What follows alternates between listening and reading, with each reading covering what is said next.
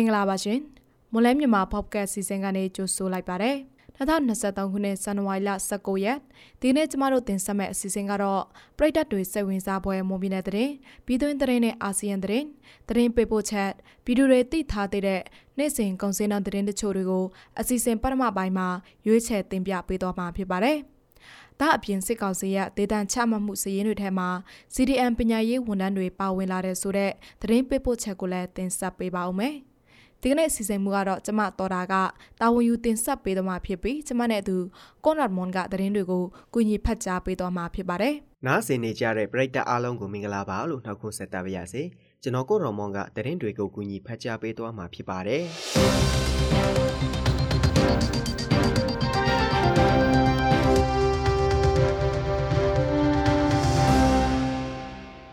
မွန်ပြည်နယ်ရေးမြနယ်အခြေဆိုင်အမြောက်တပ်ရင်316ကို drone နဲ့တိုက်ခိုက်ခဲ့တယ်လို့မွန်ပြည်ကာကွယ်ရေးတပ်တောင်ပိုင်း MSDF ကထုတ်ပြန်ထားပါတယ်။တနေ့ကနနက်9နာရီအချိန်ခန့်ကမွန်ပြည်ကာကွယ်ရေးတပ်တောင်ပိုင်း drone တပ်ဖွဲ့တနင်္သာရီက drone တပ်ဖွဲ့တွေနဲ့ရေးမြနယ်အခြေဆိုင်အမြောက်တပ်ရင်316ကို drone နဲ့တိုက်ခိုက်ခဲ့တာပဲဖြစ်ပါတယ်။ အမြောက်တပ်ရင်တိုက်ခိုက်မှုဖြစ်စဉ်မှာအမြောက်တပ်ရင်တိုက်ခိုက်ခံရမှုဖြစ်စဉ်မှာစစ်ကောင်စီဘက်ကထိခိုက်ဒေဆုံးမှုအခြေအနေကိုတော့မသိရသေးဘူးလို့လည်းဆိုပါတယ်။စစ်ကောင်စီအမြောက်တပ်ရင်319ကိုဒေသတွင်းလှုပ်ရှားနေတဲ့ပြည်သူ့ကာကွယ်ရေးတပ်ဖွဲ့တွေကမကြာခဏအပစ်ခတ်တိုက်ခိုက်လေးရှိတယ်လို့လည်းဒေသခံတွေကဆိုပါတယ်။ မွန်ပြည်နယ်တံပြူစရမြို့နယ်ထင်းရှူကြီးရွာနယ်မြေရဲကင်းစခန်းမှာမနေ့မနေ့ပိုင်းကအပြန်လှန်ဖိခတ်မှုတွေဖြစ်ခဲ့တယ်လို့ဒေတာကန်ဒရစီကသိရပါဗျ။ထင်းရှူကြီးရွာနယ်မြေရဲစခန်းကိုအမည်မသိလက်နက်ကိုင်အဖွဲ့တစ်ခုကမနေ့ကမနေ့6နာရီကျော်မှာလက်နက်ကြီးလက်နက်ငယ်တွေနဲ့ဝင်းရောက်တိုက်ခိုက်ခဲ့ပြီး10မိနစ်ကြာအပြန်လှန်ဖိခတ်မှုဖြစ်ခဲ့ကြတယ်လို့ဒေတာကန်တို့ကပြောပါဗျ။ ဒါအပြင်အဲ့ဒီပြစ်ခတ်မှုအတွင်းမှာအယက်သားချို့ထိခိုက်ဒဏ်ရာရရှိခဲ့သလိုစစ်ကောင်စီဘက်ကလည်းထိခိုက်ဒဏ်ရာရရှိခဲ့တယ်လို့သူကဆက်ပြောပါတယ်။အဲ့ဒီအပြင်ဘီလင်းမြို့မှရဲစခန်းနဲ့မြို့နယ်အထွေထွေအောက်ချုပ်ရေးဦးစီးဌာနရောင်းကိုလည်းဇန်နဝါရီလ18ရက်နေ့ည10:00နာရီနဲ့ဒီကနေ့နက်နက်7:00နာရီအချိန်တို့မှာအမည်မသိလက်နက်ကိုင်ဖွဲ့တစ်ခုကဒရောင်းနဲ့နှစ်ကြိမ်ဆက်တိုက်တိုက်ခိုက်ခဲ့တယ်လို့ဒေတာခန်တွေကပြောပါတယ်။ ဘီလင်းမြို့မှရဲစခန်းနဲ့တံပြူစရမြို့နယ်ထင်းရှုကျေးရွာနယ်မြေရဲစခန်းတိုက်ခိုက်ခံရတဲ့ဖြစ်စဉ်တွေမှာရဲတပ်ဖွဲ့ဝင်3ဦးနဲ့အယက်သား2ဦးထိခိုက်ဒဏ်ရာရရှိခဲ့တဲ့အပြင်အစောအုပ်ချို့လည်းထိခိုက်ပျက်စီးမှုတွေရှိခဲ့တယ်လို့မွန်ပြည်နယ်ရဲတပ်ဖွဲ့ရောင်းတဲ့နေဆက်သူတို့ကပြောပါတယ် အမေရိကန်ရိုဟင်ဂျာကယ်တင်ရေးတပ်မတော် ARSA နဲ့ရိုဟင်ဂျာသွေးစည်းညွညွရေးအဖွဲ့ RSO လက်နက်ကိုင်အဖွဲ့တွေကြားတိုက်ပွဲဖြစ်ပြီးမြန်မာနဲ့ဘင်္ဂလားဒေ့ရှ်နိုင်ငံနယ်စပ်နယ်နိမိတ်မြစ်အနီးကရိုဟင်ဂျာဒုက္ခသည်စခန်းတစ်ခုကမနေ့ကညနေပိုင်းကမိရှို့ခဲ့ရတယ်လို့ရိုဟင်ဂျာအတိုင်းဝိုင်းကပြောပါတယ်။မိလောင်သွားတဲ့စခန်းမှာရိုဟင်ဂျာဒုက္ခတဲ့3000ကျော်လောက်နေထိုင်နေပြီးမိရှုခံရပြီးနောက်နေထိုင်သူမရှိတော့ကြောင်းနဲ့တချို့ကမြန်မာပြည်တွင်ကိုထပ်ပြေတော့တာရှိတယ်လို့ မြန်မာပြည်သွင်းကိုထပ်ပြေးလာတာရှိတယ်လို့တချို့ကဘင်္ဂလားဒေ့ရှ်ဘက်ကိုထပ်ပြေးလာကြတာလို့ရှိတယ်လို့လည်းသူကပြောပါတယ်။နယ်ဆက်မြန်မာရှိတဲ့တောက်ခတ်တဲ့စကန်ကိုဘယ်အဖွဲ့ကမိရှို့လိုက်တယ်ဆိုတာကိုတိကျအတည်ပြုနိုင်တာမရှိသေးပါဘူး။ ARSA အဖွဲ့ဟာဘင်္ဂလားဒေ့ရှ်ရောက်ရိုဟင်ဂျာကောင်းဆောင်တွေကိုချိန်ချောက်မှုတွေလှုပ်ဆောင်မှုတဲ့အဖွဲ့အစည်းဖြစ်တယ်လို့ NLD အစိုးရလက်ထက်ကလည်းအကြမ်းဖက်အဖွဲ့အစည်းဖြစ်ကြီးညာခံထားရတဲ့အဖွဲ့လည်းဖြစ်ပါတယ်။ ပြီးခဲ့တဲ့2016-2019ခုနှစ်တွေမှာလည်း ARSA တွေပေါ်ပေါက်ခဲ့ပြီးအဲ့ဒီဖွဲ့အကြောင်းပြုလို့စစ်တပ်ကနယ်မြေရှင်းလင်းခဲ့တာကြောင့်မွတ်စလင်9သိန်းနီးပါးတစ်ဖက်ဘင်္ဂလားဒေ့ရှ်နိုင်ငံမွတ်စလင်9သိန်းနီးပါးတစ်ဖက်ဘင်္ဂလားဒေ့ရှ်နိုင်ငံကိုထွက်ပြေးခဲ့ရပါတယ်။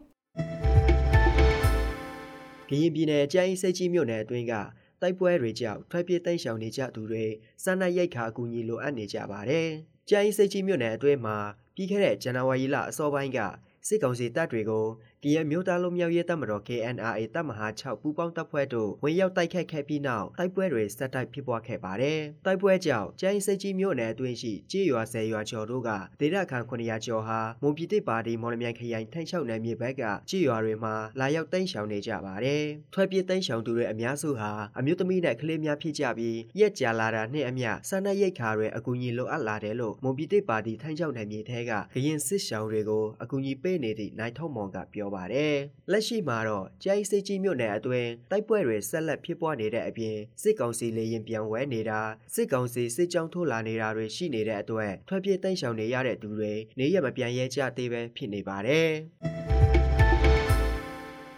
ထိုင်းနိုင်ငံအလဲပိုင်းစမောစခွန်ခရိုင်မဲကလောင်မြေတင်ပေါ်ချင်းမှာပြီးခဲ့တဲ့ရက်ပိုင်းကစီတင်တင်ပေါ်ကြီးတစီမီးလောင်ပောက်ကွဲမှုမှာပျောက်ဆုံးနေသူအလုံးရဲ့အလောင်းတွေပြန်သွေးခဲ့ပြီးအဲ့ဒီအထဲမှာမြန်မာလောက်သား9ဦးပါဝင်တယ်လို့ကယ်ဆယ်ရေးအဖွဲ့တွေကပြောပါတယ်ကယ်ဆယ်ရေးသမားတွေဟာမဲကလောင်မြေရေပြင်ဧရိယာ3ကီလိုပတ်လည်မှာလေတွေနဲ့ရောရေငုပ်သမားတွေနဲ့ပါရှာဖွေခဲ့ပြီးမနေ့ကမွန်လွယ်တနာရီလောက်မှာရောက်အလောင်းပေါင်းရှစ်အလောင်းကိုရှာဖွေတွေ့ရှိခဲ့တယ်လို့ဆိုပါတယ်။ အဲ့ဒီရှစ်လောင်းထဲမှာမြန်မာလောက်သား9လောင်းနဲ့ထိုင်းလူမျိုးအလောင်းတစ်လောင်းပါဝင်ကြောင်းနောက်ဆုံးတွေ့ရှိတဲ့မြန်မာလောက်သားအလောင်းကိုတင်ပေါ်ကြီးရဲ့ဥပိုင်အောက်ရဲနဲ့4မီတာလောက်မှာမှောက်လျက်အနေထားနဲ့ပြန်တွေ့ခဲ့တယ်လို့ဆိုပါတယ်။တချို့အလောင်းတွေမှာပောက်ကွဲမှုတန်ကြောင့်ခန္ဓာကိုယ်အစိတ်ပိုင်းတွေပြတ်ထွက်သွားတယ်လို့ကယ်ဆယ်ရေးဖွဲ့တွေကပြောပါတယ်။ဒေဆုံးသူရဲ့ရုပ်အလောင်းတွေကိုအတုပအခမ်းအနားကျင်းပဖို့စမုစခုံမြို့ထဲကဖုန်ကြီးကျောင်းတစ်ကျောင်းမှာထားရှိထားတယ်လို့သိရပါတယ်။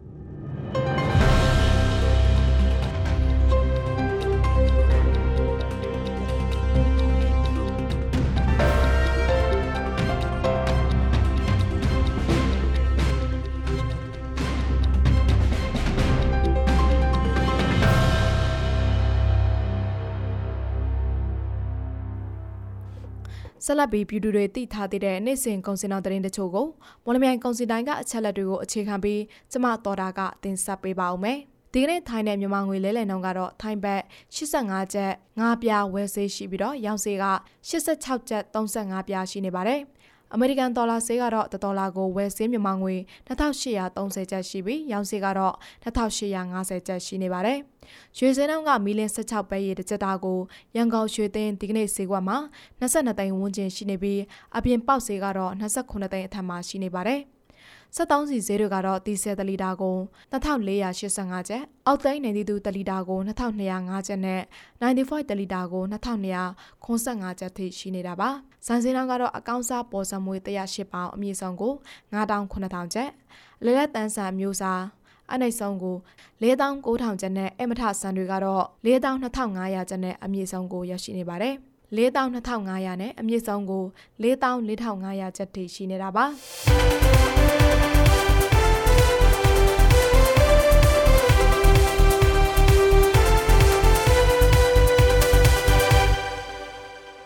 အခုတင်ဆက်ပေးသွားခဲ့တာကတော့ဇန်နဝါရီလ19ရက်နေ့မှာဖြစ်ပျက်ခဲ့တဲ့မွန်မီနယ်တဲ့ပြည်တွင်းတဲ့နဲ့အာဆီယံတဲ့တွေပြင်တနေ့တာစီစိငွေစင်းနဲ့ကုန်စည်နှုန်းတွေကိုတင်ဆက်ပေးတော့တာဖြစ်ပါတယ်။ဆက်လက်ပြီးတော့စစ်ကောင်စီရဲ့ဒေသချမှတ်ခံရမှုစည်ရင်းတွေထဲမှာ CDM ပညာရေးဝန်ထမ်းတွေပါဝင်လာတဲ့ဆိုတဲ့သတင်းပေးပို့ချက်ကိုစတောင်းသစ္စာကတင်ဆက်ပေးပါဦးမယ်။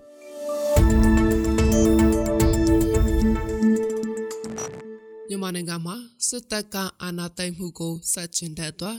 ဖမ်းဆီးခံနေကြရတဲ့ပညာရေးဝန်ထမ်းတွေကိုစစ်ကောင်စီကနှစ်ရှည်ထောင်ဒဏ်တွေပြင်ဒေသတွေပါချမှတ်လာတယ်လို့ပညာရေးဝန်ထမ်းတွေကပြောပါတယ်။အေယဝတီတိုင်းမြန်အောင်မြို့နယ်ထိုက်ပေါက်ကောင်ထက်တန်းကျောင်းခွဲကအသက်25နှစ်အရွယ်မူလတန်းပြဆရာဦးကောင်ခတ်ကျော်ကိုစစ်ကောင်စီရဲ့ဟင်္ဒရခရိုင်တရားရုံးက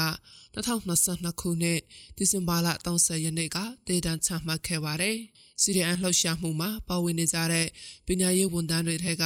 ပထမဦးဆုံးဒေသချမှတ်ခံရတဲ့ပညာရေးဝန်ထမ်းတို့လည်းဖြစ်ပါတယ်။ ကျောင်းဆရာဦးကောင်းခကျော်ဟာသတင်းပေးသူကိုတပ်ဖြတ်ခဲ့တဲ့ဆိုတဲ့ဆွဆွချက်နဲ့စံဖတ်မှုတပ်ဖြတ်ရေးဥပဒေပေါင်းမှ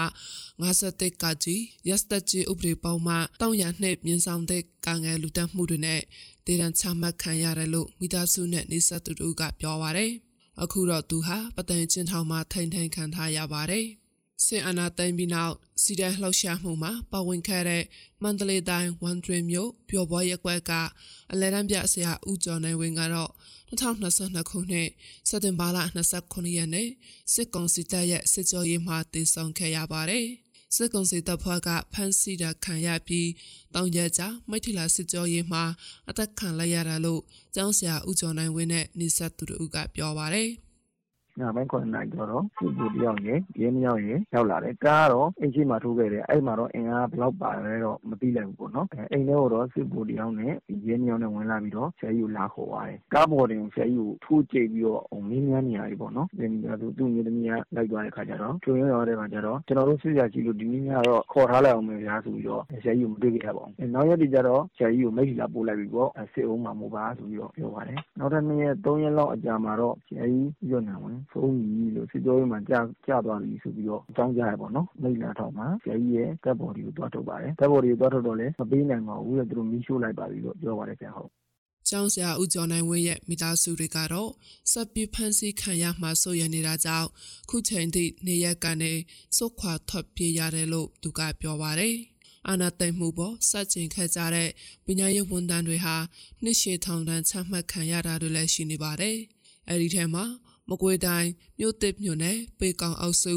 ရောင်းတိုင်းမြောင်ကျေးရွာမှာနေထိုင်တဲ့မူလာတန်းပြကျောင်းဆရာဦးအောင်ထေဖြိုးလည်းပါဝင်ပါတယ်။သူကတော့2022ခုနှစ်ဒီဇင်ဘာ28ရက်နေ့က